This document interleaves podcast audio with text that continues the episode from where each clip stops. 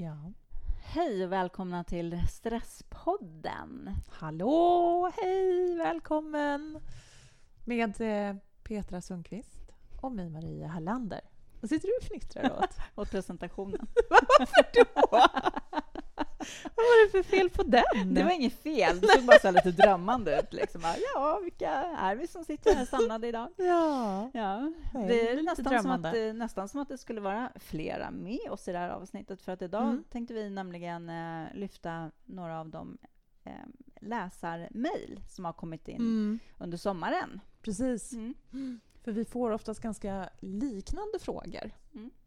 Om eh, olika ämnen. Så att vi tycker att det är viktigt att eh, dela lite våra tankar kring de här frågorna som vi får. Mm. Så det blir dagens tema. Lyssnarfrågor Precis. som vi älskar. Det älskar vi. Ja. Så fortsätt mejla in till oss. Mm. Men eh, det här avsnittet idag presenteras av KSM 66. Och det är ett ekologiskt kosttillskott som hjälper kroppen att stå emot stress, vilket ökar kroppens fysiska och mentala prestationsförmåga. Den gör också att orken och lugnet och tålamodet förbättras och sömnen, också sömnen då. När stresshormonet kortisol sjunker normaliseras också våra könshormoner, vilket bland annat leder till ökad sexlust och bättre träningseffekt. Att KSM66 fungerar är visat i 18 kliniska studier. Och Det finns hos Life och hos Hälsokraft att köpa som det ser ut nu. Mm, precis. Eller man kan väl gå in på deras hemsida och beställa. Kan man inte det också? Det kan man säkert. I alla fall så kan man gå in på KSM66 och läsa mera om det här Mm. kosttillskottet. Mm. Det är bra Mm. också att det är ekologiskt. Det är bra. jag. Mm. Sånt tycker vi om. Men eh, både du och jag provar det faktiskt just nu. Precis, men vi har ju Ja. precis börjat att prova det. Ja. Och det Mm. står faktiskt på burken att det, det tar ju några veckor innan, eh, innan man känner av någon effekt. Mm. Jag har käkat i två veckor och jag måste säga att jag tycker jag sover bättre på nätterna. Ja.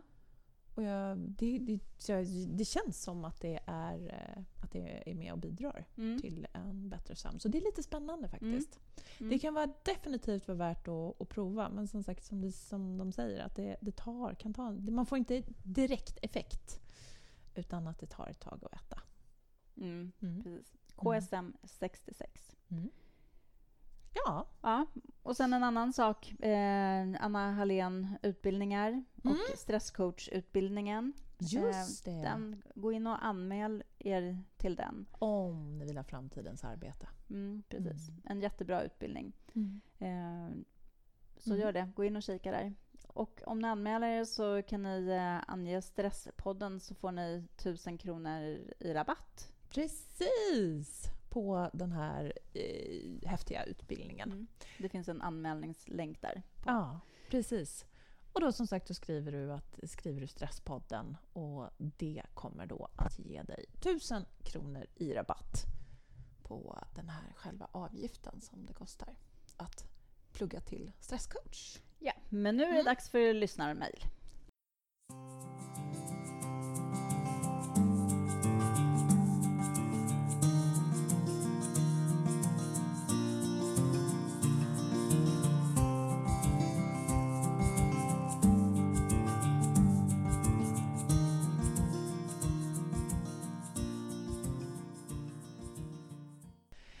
Förlåt att jag avbröt dig där, precis. Men eh, jag vill ju få in vår lilla trudelutt.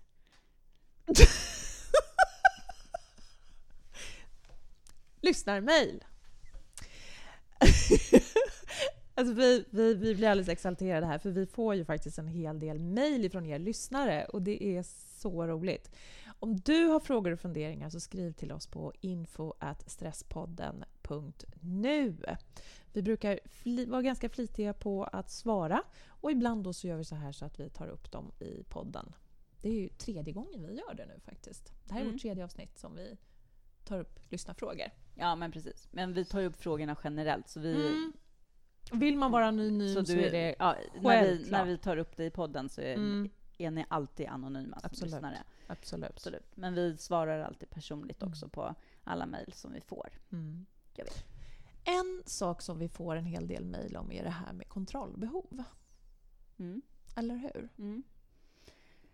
Precis. Och jag har till exempel ett mejl här som handlar om eh, en eh, kvinna som skriver att mm. hon ser själv att hon har ett jättestort kontrollbehov och hon tar på sig allt i hemmet. Mm. Hon vill inte ens släppa in sin man i det här fallet eh, till diskmaskinen för att mm. eh, det kan bli fel. Så hon gör alla de här sakerna själv och eh, känner själv att hon är ju superstressad. Mm. Det blir ju, hon blir ju dubbelarbetande.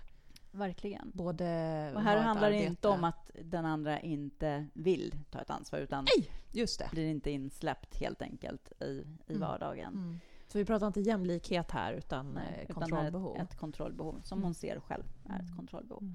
Och undrar hur hon ska göra för att komma ur det här. Alltså jag tänker så här, för det första kanske det är väldigt viktigt att, att veta att det här med kontroll har ju egentligen med ångest att göra. Behöver inte ha det, men många gånger är det. Därför att kontroll är ju ångestdämpande. Precis som, eller vad ska jag säga, eh, inte kontroll, utan eh, kon att, att behärska kontrollen är ångest. Eh. Att behärska kontrollen? Alltså nu! Nu har jag fått hjärnsläpp! Nej, kontroll är ångestdämpande, mm. precis som jag sa från början. Mm. Eh, att, eh, och att, att behärska sin oro och sin ångest genom att kontrollera saker och ting.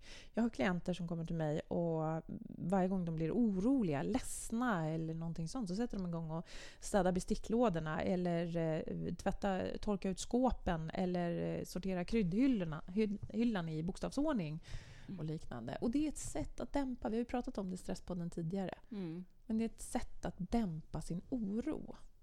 Så det är ju viktigt att komma ihåg kanske att det här är någonting som, att det ligger någonting annat under här också. Nu är det inte sagt att hon behöver gå in och, och, och rota i det om hon inte vill, eller ni som har kontrollbehov, men det är bra att veta. Somliga tar sig ett glas vin för att lugna ner sig, andra äter godis eh, och så finns det de som städar eller har kontroll. Mm. Men eh, men det behöver ju inte bara vara för att det är någonting annat heller, eller hur? Det behöver ju inte handla om, om någon oro som man har ett behov av att dämpa. Måste nej, det? Det kan nej, väl, det kan väl också handla om att eh, kanske en rädsla för att det inte ska bli eh, gjort på ett lika bra sätt som eh, när jag själv gör det, kanske? Eller? Mm, mm, absolut. Absolut. Och det är ju oftast vad vi säger till oss själva. Men mm. många gånger just det här att, att släppa ifrån sig någonting. Ja, Okej, okay. sen kan det vara att man har olika behov av hygien hemma, mm. som ett exempel. Mm. Eh, om din livskamrat inte bryr sig om om det är gula ringar i, i toaletten. Eh, Medan du känner att nej, men jag står inte ut. Så visst, absolut. Så, sådana saker kan det ju vara. Mm. Eh, men när det blir att man har, någon skulle göra, kunna göra det lika bra som man själv, men man upplever att nej, det går inte. För jag vet bättre. Mm. Ja, men som det här nu, som eh, ett av de här mejlen handlar om, som mm. eh, med just till exempel diskmaskinen i det här mm. fallet. Mm. Att eh, hon har ett jättestort behov, då upplever hon, att både plocka i och ur diskmaskinen så att mm. det ska stå rätt i maskinen mm. och sen hamna rätt mm. i skåpen. Just det. Vad, skulle du säga att det handlar om eh, någon annan oro? Förmodligen. Det skulle jag nog säga. Mm. Eh, men för den skulle inte det att man behöver ta tag i den eller rota eller gå i terapi. Utan bara veta om att det här är kanske någonting jag gör för att slippa känna någonting annat. Mm. Mm. Och att det är lite skönt att ha fullkomlig kontroll på diskmaskinen. Det, det ger en skön känsla. Mm. Och det, det kanske det kan få göra om det inte får andra konsekvenser. Ja, precis. Såklart. Men precis. det får ju i det här fallet. Det här, mm. det här skapar ju en jätteobalans i, i deras hem och vardag, vad mm. jag förstår på det här mejlet. Och eh, det är ju inte, det är inte ovanligt. Det här är ju inte ovanligt. Inte det minsta. Nej. Det behöver ju inte ha med hem att göra. Det kan ju ha med arbete att göra eller sina barn, att man vill kontrollera hur de har och vad de gör. Eller mm. sin partner eller sig själv och sin hygien. Alltså det är jättemånga olika områden som man ja. kan ha behov av att känna kontroll på. Ja. Men eh, som i det här, man tänker att det ändå kanske är två personer som är båda två förvärvsarbetar utanför mm. hemmet och då mm. blir det också viktigt att eh, den ena inte tar på sig allting i Mm. hemmet på grund av rädsla att släppa kontrollen. Så här finns det ju lite grann att, att jobba på. Jag skulle, ju, jag skulle ju säga först och främst att välja ut ett litet område i det här äh, och börja öva på att faktiskt släppa kontrollen. Så får man acceptera att det är jätte, jättejobbigt. Om det nu handlar om att eh, diskmaskinen. Bestäm dig för att okej, nej, jag släpper det här att eh, plocka i diskmaskinen och verkligen bestämma sig det och verkligen tänka att nu, jag går in och övar i det här nu. Det och det blir jobbigt. Ja, Det det, kommer med- att bli jobbigt, ja. men det kommer att bli lättare. Precis som all träning. Just det. Men att inte gå in i alla områden nu om det handlar om hemmet och den här uppdelningen i hemmet och börja hålla på och försöka släppa på allt samtidigt, utan välj ut en del och bestäm dig för att nu, det här ska jag öva på nu. Precis. Och många gånger så när man, när man gör så så märker man ganska snabbt att gud vad skönt det var Mm. att släppa det här. Eller så gör man det inte. Så kommer det att gnaga på. Jag, jag brukar ge rådet också att fundera kring för vems skull gör du det här? Mm. Är det så att du tänker att men herregud vad skulle grannarna säga om de kom hem och såg hur det såg ut här hemma? Eller är det så att vad skulle svärmor säga om eh, hon kom och upptäckte att jag inte har vikt min tvätt på ett speciellt sätt? Eller? Så för vem skull är det du behöver den här kontrollen? Eller skrämmer du dig själv och tror att om inte jag har kontroll på mina, vad mina barn gör när de är ute så kommer det hända något förfärligt? Mm. Att det ligger oftast, eller det kan ligga en sån skrämseltanke bakom. Mm. Den kan man väl försöka möta. Mm. Eh, jag tänker bara själv så här, vad grannarna skulle säga. Hur, hur, tänker, hur tänker de flesta själva om de kommer hem till någon där det inte är superstädat och sånt? Folk brukar tycka att det är ganska skönt. ja! Att det liksom är så här, åh, vad härligt att komma hem till dig när det liksom, det är inte så jävla perfekt allting. Och det känns ganska avslappnande Åh, jag vet! när någon ändå Ja. har lagt ribban för att det här är fine. Det är så här, vi ska träffas och ha trevligt. Vi ska inte så här gå omkring och synas som efter en flyttstädning. Precis! Eller hur? Mm. Att det, det var ganska... Jag minns när mitt, ett ex till mig hemma hos hans eh, föräldrar, att det var som så här liksom, bohemisk stämning när man kom in där. Och helt Mm. plötsligt så blev jag också jätteavslappnad Ja. bara jag klev innanför dörren. Ja. Eh, Så att, eh, mm, absolut. För vems skull Ja. är det du gör det här? Och också så här, ja, men som du säger, så här, en svärmor som tänker om tvätten till exempel. Där kan man väl verkligen gå in och undra, så här, snacka om då svärmors kontrollbehov. Och tänk, stackars henne. Kanske inte försöka leva upp till det som faktiskt handlar om ett problem som hon har själv. Kanske ångestdämpar sig själv med tvätten hemma. Så. Precis. Mm. Eller hur? Och att många gånger tänk, tänk dig då också, se, se dig själv lite grann vad... Att det blir en belöning i det här. Vad kan jag göra istället? Mm. Jag menar om, om jag bjuder hem folk, jag behöver inte stå och göra tre rätters middag utan vi köper sushi. Mm. Vad skönt, då fick jag tid att, att vila på soffan i 30 minuter så kommer jag vara gladare under tiden. Mm. Eller vad härligt, då fick jag tid över till att, eh, ja vad det nu man vill göra. Så att eh, se vad, vad kan du, vilka vinster kan du få. Så att öva på, när det kommer till din kontrollbehov, öva på att, göra, att möta ett område i taget. Gör inte allt på en gång. Eh, och titt, fundera på vem- för vems skull och faktiskt umgås lite med den här tanken som du sa. Mm. Petra. Ehm, och just tänk på att kontroll kan vara ångestdämpande. Är det det du, du gör? Försöker fly från någonting annat eller kontrollera din egen oro, stress? Mm. Mm. Ja, det leder ju lite grann också in på det här eh, som ganska många har mejlat om, det temat prestationsångest.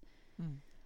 Eh, där många beskriver en jättestress för att hamna i att tävla i allting och hela tiden det här att eh, vara lite bättre än alla andra, överförbereda sig, Mm. ta hem jobb, sitta och läsa på inför ett möte kanske som ska vara dagen efter för att vara lite mer förberedd än alla andra och sådana saker. Det här det blir ju- jättestressande. Det ligger en jättestress i det. Ja. Mm. Verkligen. Och så bra att man ser det. och känner att jag kanske är dags att ta tag i det.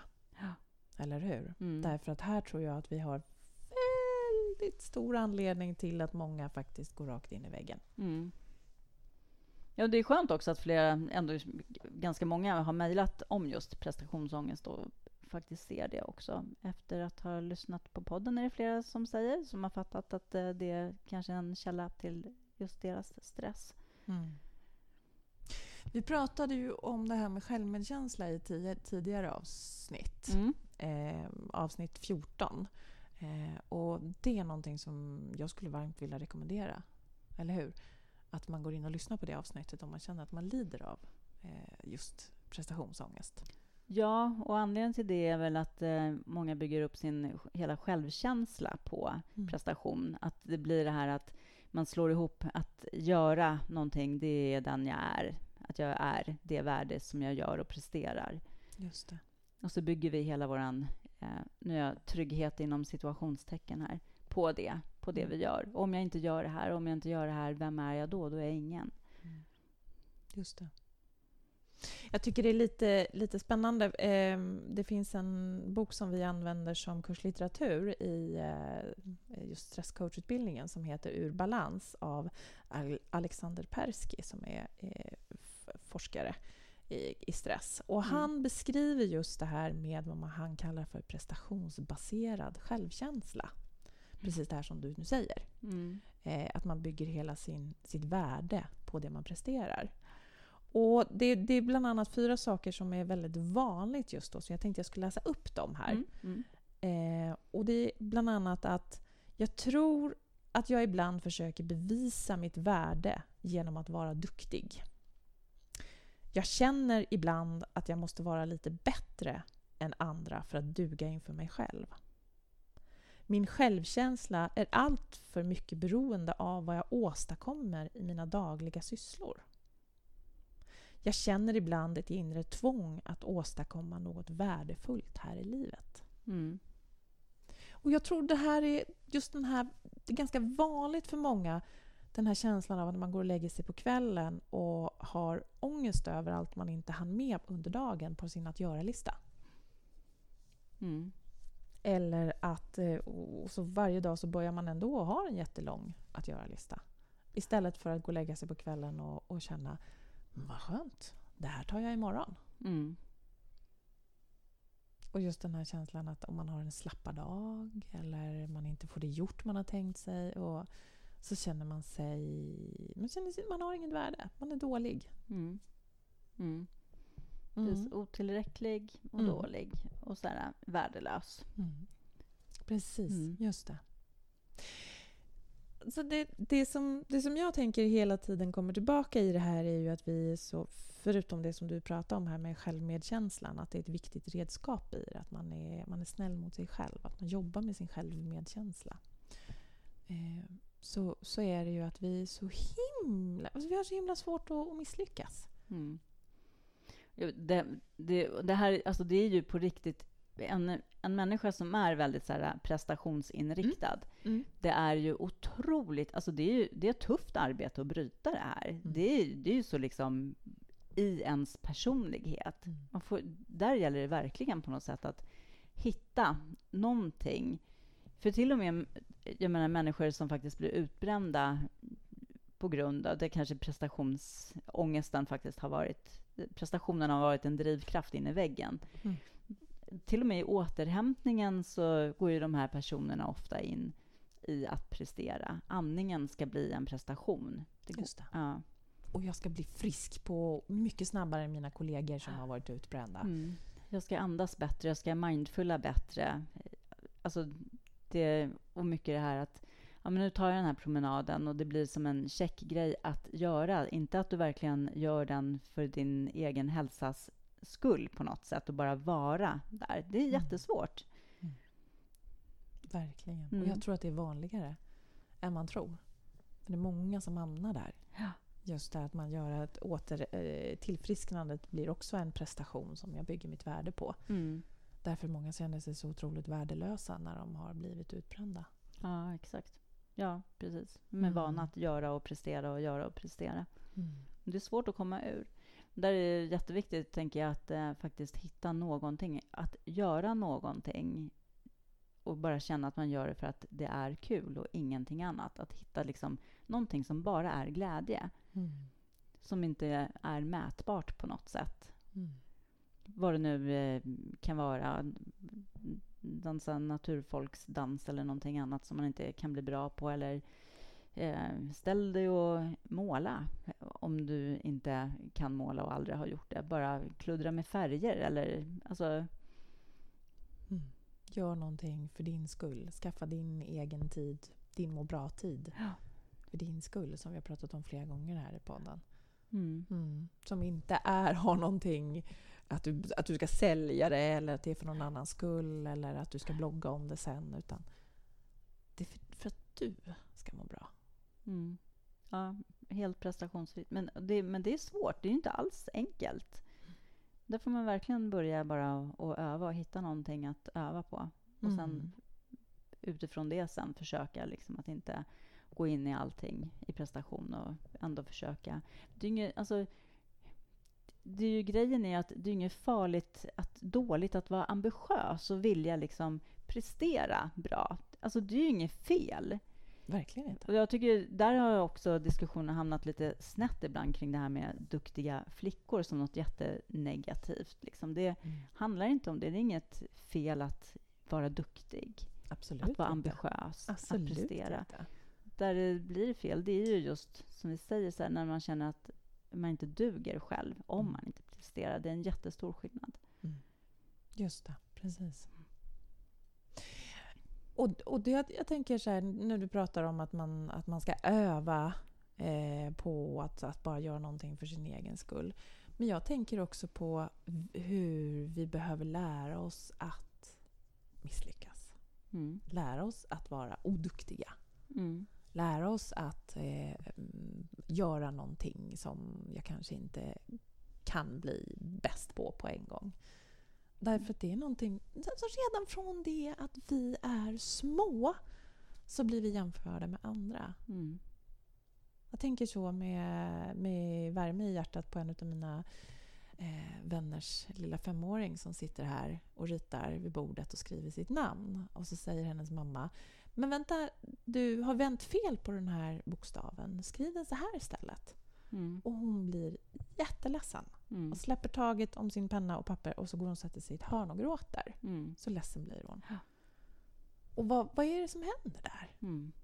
Hon börjar ju genast känna att, det, det, att hon blir jämförd. Det finns bra, det finns rätt, det finns dåligt. Och nu inget ont, verkligen inte om min vän Nej.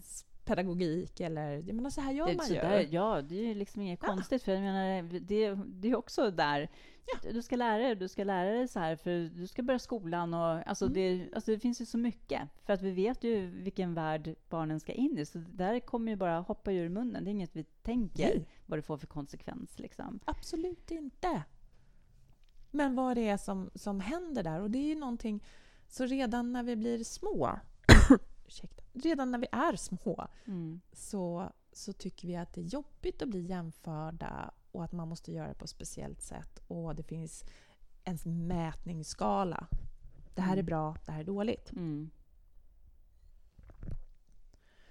Och vi lär inte våra barn egentligen att konsten att misslyckas. Vi övar våra barn i att lyckas och jobba för saker och ting, för att vinna, för att klara, få bra betyg och så vidare. Men får de redskap i det här att misslyckas? Nej, men det är ju för att vi har inte redskapen att misslyckas själva. Så hur, hur ska vi kunna lära våra barn det? Nej. Det, alltså det går ju inte. Vi måste ju även där på något sätt också se hur vi själva är och vad vi gör. Mm. Vi för ju över det till barnen vare sig vi vill eller inte. Mm. Så vi måste ju själva våga misslyckas och visa, visa barnen att vi vågar misslyckas. Annars så kommer ju de aldrig våga misslyckas heller. Bra! Åh, vad glad! Ja, precis så här! Precis så. Att min inställning mot mitt eget misslyckande eller vad jag klarar av eller vad som är good enough eller liknande tillräckligt bra. Att jag duger. Mm. Det blir en förebild för, för barnen. Det är ju jätte, jätte, jätteviktigt. Så därför, ta hand om din egen. Din eget förhållningssätt till, eh, eh, duktighet. Ja, nu, nu kom vi in på barnuppfostran här. Det var absolut inte vad, det var, vad, vad som var meningen egentligen. Nej, men det kan ju vara en drivkraft för de som mm. Eh, är föräldrar och lider av prestationsångest faktiskt. Så kan det ändå vara en, en drivkraft att inte vilja föra över det här till sina barn. Då kan vi kanske lättare hitta sätt att eh, våga misslyckas på för att ge det till våra barn också. Just. Så för, för de som är, är föräldrar till, till yngre barn och har skrivit in så är ju det ändå också mm. kanske en drivkraft att köra på. Precis. Mm. Och då när, när den här känslan av, jag menar, okej, okay, vadå, ska jag öva på att misslyckas? Nej, men öva på att inte vara så himla bra hela tiden. Mm. Öva på att göra någonting halvdant. Skicka, i, skicka iväg ett mejl utan att stavningskontrollera det. Eh, skit i att ha det perfekt städat hemma. Eh, gör, lämna in en halvbra rapport till jobbet. Mm. Öva dig i det och faktiskt det här jag, jag kommer ju själv tillbaka till hur, hur, tufft jag har haft det under de här två veckorna när jag har övningskört. Mm. Och få vara dålig på någonting från början. Ja. Uh, och hur otroligt tufft det har varit. Och ja, jag säger dålig. Jag vet att jag kör bra, men, men jag jämför ju mig med en människa som har kört i 20 år. Liksom. Mm. Uh, och, och jag vet hur det sku, vad jag tycker hur någon kör bra och hur det ska kännas att sitta bredvid någon som kör bra. Och så vill jag köra. Mm. Och då blir det som ett misslyckande. Och det är jättejobbigt, jag vet det. Mm. Men hur otroligt eh, lärorikt det är att få gå in och vara där. Ja, men framförallt om vi hittar någonting som, där vi inte håller på och eh, prestationar oss så blir det ju så jäkla mycket roligare. Mm. Alltså, ta en snowboardlektion om du aldrig har åkt snowboard utan liksom någon tanke med att du ska börja åka snowboard, utan bara do it. Salsa-lektion. Ja, mm. du kommer ramla och fara och, och skratta åt det. Liksom. Mm. Alltså, det blir ju hur kul som helst. Precis, om du vågar släppa prestationen. Och får jag rekommendera en bok, Petra? Mm. Som eh, min en favoritforskare som jag har, eller som, som vi också, du också kommit i kontakt med, som heter Brené Brown. Mm. Eh, hon är ju egentligen eh, skamforskare. Eh, och eh, hon har skrivit en bok som heter Våga vara operfekt. Alltså Brené Brown, Våga vara operfekt. Och hon går igenom de här olika områdena i alltså föräldraskap, eh, ledarskap, eh, partnerskap och så. så Mm. Och, eh, och vad vi brottas med där och hur faktiskt vi kan hjälpa oss själva och våga möta och ta hand om oss själva när vi hamnar i de här fällorna och slår på oss när vi inte är till, tillräckligt bra som vi tycker. Mm. Vi kan, nu har vi tipsat om två böcker, så vi kan ju lägga upp tänker jag, bilder på dem. Mm. På Insta. Ja, mm, det gör vi. Ehm, och på Facebook, så att eh, de som är intresserade ser vad böckerna heter och vilka som har skrivit dem. Mm. Om man vill kika närmare på det. Mm, det gör vi. En eh, kort, lite snabb fråga tänkte jag vi skulle klämma in här, för den är ändå eh, hänger eh, av, kom efter förra veckans förra avsnittet. förra veckans avsnitt, förra avsnittet om andning. Någon som har eh, börjat eh, nattejpa och börjat pröva det. Mm som vi pratade om. Har ni mm. inte lyssnat på andningsavsnittet så gå in och gör det. Avsnitt 44. Ja. Men där eh, tipsar vi bland annat om eh, att tejpa munnen med eh, så här vanlig kirurgtejp mm. på natten för att eh, då tvinga oss att andas genom näsan mm. under natten för att få till en bra andning under natten. Och då har eh, den här lyssnaren skrivit att eh, får eh, eh, panik och känner att den inte kan dra ett ordentligt djupt andetag. Mm. När man har, eh, när man har tejpat munnen? Precis. Mm. mm. Mm. Precis. Mm. Mm. Och så kan det ju verkligen vara. Och det visar ganska tydligt att den här personen är väldigt van att andas genom munnen. Munnen. Just det, precis. Så ännu viktigare att eh, fortsätta och öva och den här, de här känslorna över andningen, de kommer ju försvinna efter ett tag. precis! Det kommer att göra det. Du behöver. Och då kanske du, det kanske är ännu viktigare också att du gör de här övningarna på dagen. Andningsövningen och att du faktiskt får använda magen. Men jag har jättemånga klienter som tycker det är sjukt svårt att få ner luften hela vägen i magen. Det tar Mm. stopp. Mm. Och det är inte konstigt att ta stopp, för du har en otränad diafragma. Mm. Men att få igång diafragman kommer göra så många bra saker. Bland annat att du får en annan djupandning. Mm. Så spänn ut magen. Ballongmage. Och det går till. faktiskt ganska snabbt att eh, få igång eh, diafragman att jobba och liksom få, få den mjukare igen. Mm. Så ge, Så att, eh, därför som vi brukar säga, tejpa i, i 28 nätter. just det, Mm. precis. Mm. Och öva under dagen att spänna ut magen Mm. när du andas. Ja. Så att det, det behöver inte vara luften som spänner ut magen utan du kan använda dina muskler till att spänna ut magen. Mm. Så kommer luften ner automatiskt. Ja, Mm. jag tror det var nog det som vi hann för den här gången, även om det fanns några ämnen kvar som vi hade tänkt att lyfta. Det får vi ta vid nästa tillfälle. Mm. Det ska vi göra. Mm. Mm. Men eh, mejla oss. Mm. Och sök upp oss på Facebook och Instagram och följ oss där. Mm. Så hörs vi snart igen. Ha det så bra. Hej då! Hej då!